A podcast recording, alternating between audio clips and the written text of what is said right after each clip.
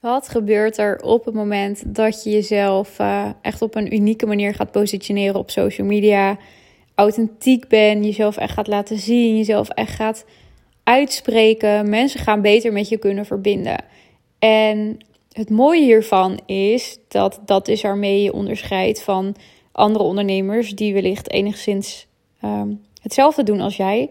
Maar dat mensen nu kunnen voelen waarom ze bij jou willen zijn, is ja, omdat ze aangaan op jouw energie. En dat is een hele grote kracht natuurlijk, die je ook zeker nodig hebt om je te onderscheiden. Zeker uh, in een markt waar tegenwoordig heel veel coaches zijn. Maar anderzijds heeft het ook een enorme valkuil uh, die ik het afgelopen jaar heb mogen leren. Um, er zit een keerzijde aan als mensen bij jou komen voor jou. Kijk, als de onderliggende reden wel is dat jullie een supergoeie match zijn. En dan bedoel ik niet alleen um, als personen die het goed met elkaar kunnen vinden en die een visie delen.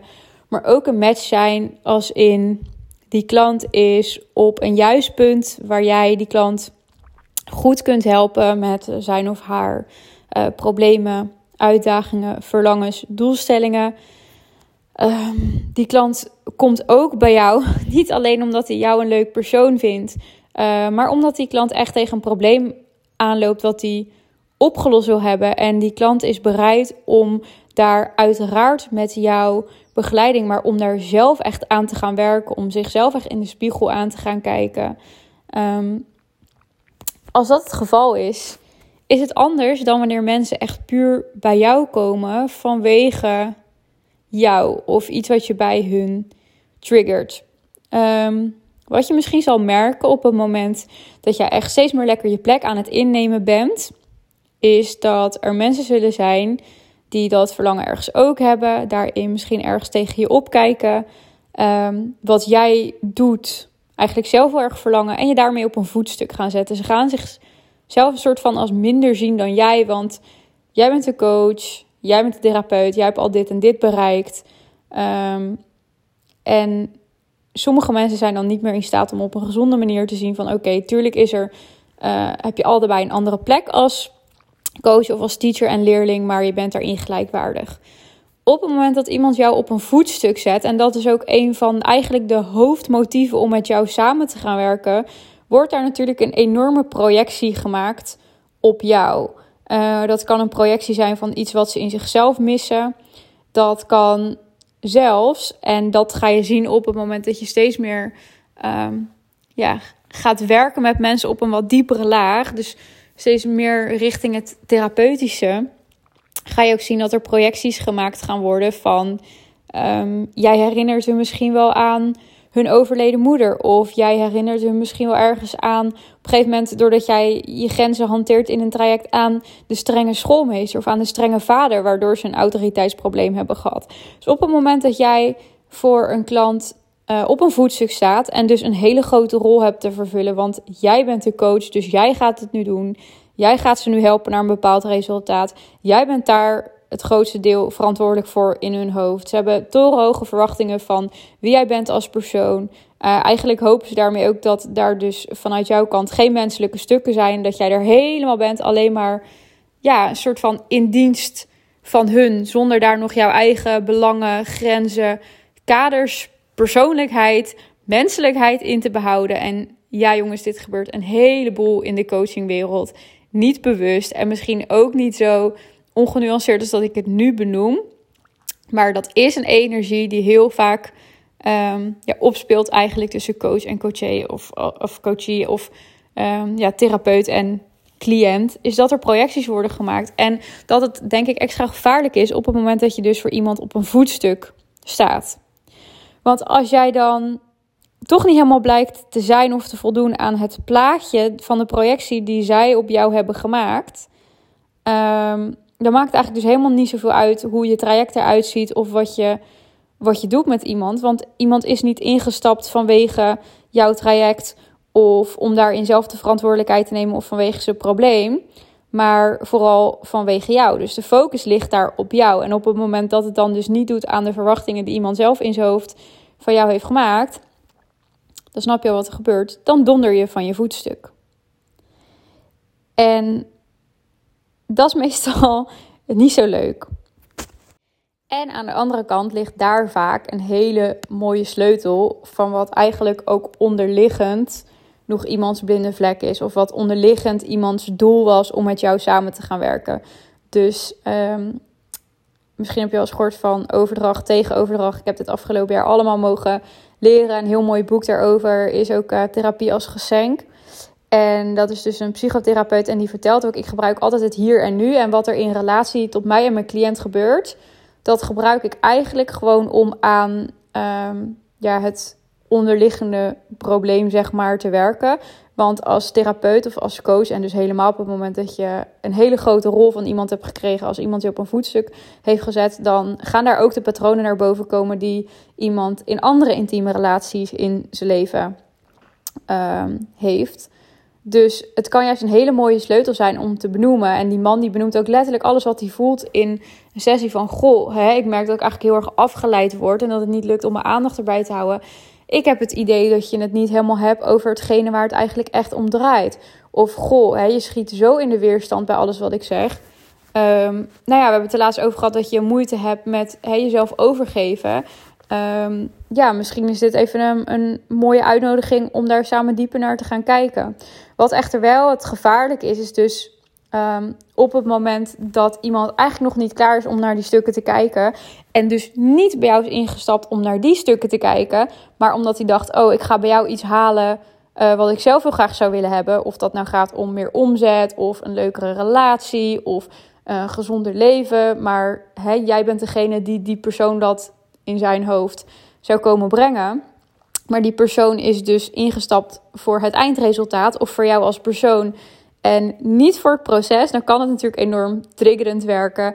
Uh, of misschien dat zelfs jouw directheid daarin wel te onveilig is voor iemand die nog niet klaar is om aan dit soort stukken te werken.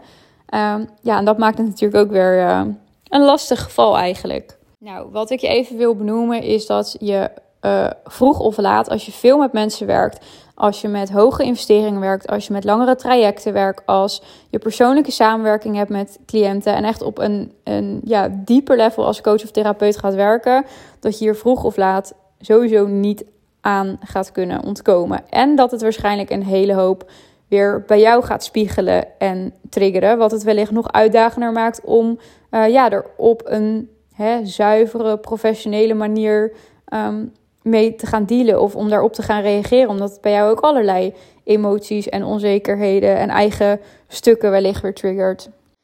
En daarin is het uh, echt een soort van sweet spot vinden tussen de um, professionaliteit en de afspraken en de verwachtingen die er zijn gemaakt. En een stukje menselijkheid. En zit de kunst hem denk ik in. Je kan op twee verschillende manieren reageren. En dat is als de coach of de therapeut, hè, door iemand te zien van hey, ik zie jou door je stukken heen. Ik zie het gekwetste kind wat hier naar boven komt.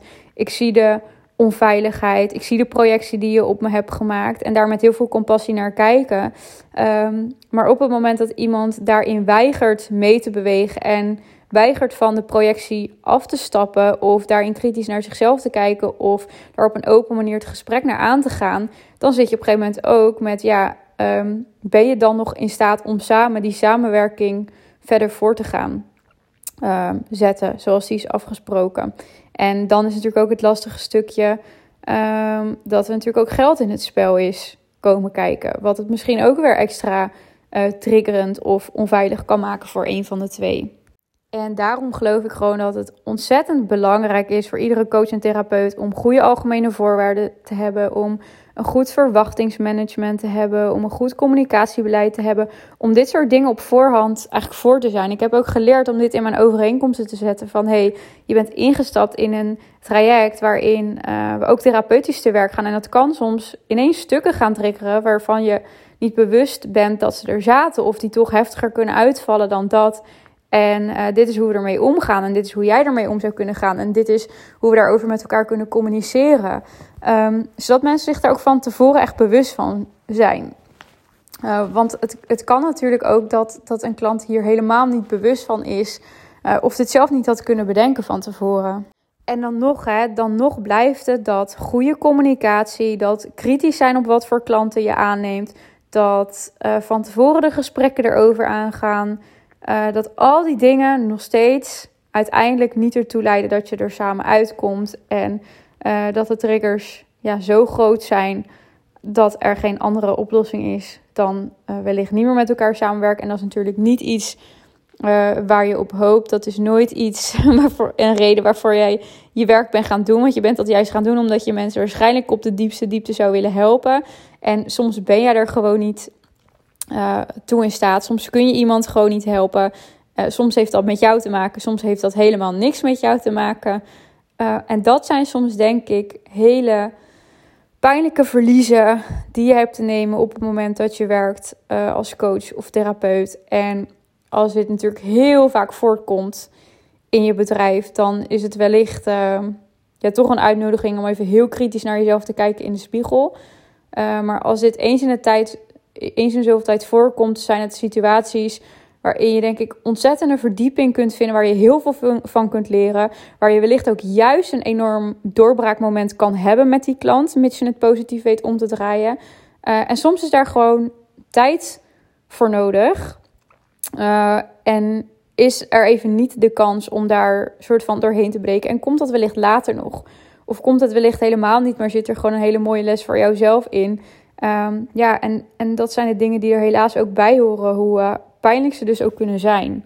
Wat daarin denk ik ook heel erg belangrijk is, is dat je een plek hebt als coach of therapeut om jezelf echt ook in te kunnen laten dragen. Dat je extra draagkracht hebt doordat je mensen achter je hebt staan die jou daar weer in zouden kunnen terugspiegelen, maar die er ook gewoon voor je kunnen zijn. Uh, op het moment dat je het zelf even niet meer zuiver kan zien, omdat je zelf ook geraakt wordt uh, weer in jouw stukken.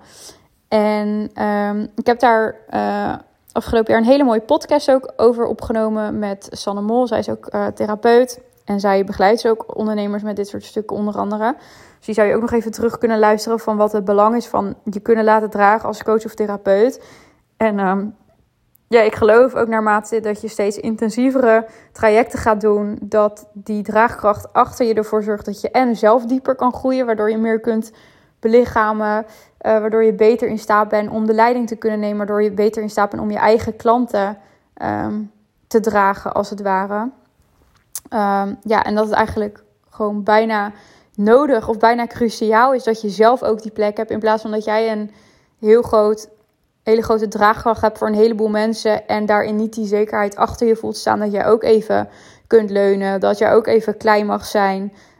Um, weet je, dat je fouten mag maken. Dat je op je bek mag gaan. Dat je mag leren. En dat er gewoon helemaal de ruimte voor wordt gehouden om je daarin veilig te voelen. Zodat je de les eruit kan halen en vervolgens weer door kunt bewegen. Zonder dat het een soort van trauma wordt. Waardoor je op slot schiet en um, eigenlijk bijna wil stoppen met het ondernemen, omdat het zo overweldigend kan zijn, dit soort situaties. Want uh, het vraagt een heleboel. En zeker als je meer als therapeut werkt, gaan er een heleboel uh, ja, dingen waar jij niks aan hebt kunnen doen, toch op jou geprojecteerd worden, kindstukken. Want dat is uiteindelijk ook waar mensen uh, voor bij jou komen om dat met je op te lossen. Ja, en daarom daarin heb je soms de prijs te betalen. Um, van dingen waar je absoluut geen invloed op hebt gehad. Maar wat ligt bij de ouders van die persoon? En ik denk dat het ontzettend belangrijk is om je bewust van te zijn. En ook weer uh, om daar zelf mee om te leren gaan. En uh, ja, ik heb je dus een aantal hand, hand, zo, handvaten daarvoor gegeven in deze podcast.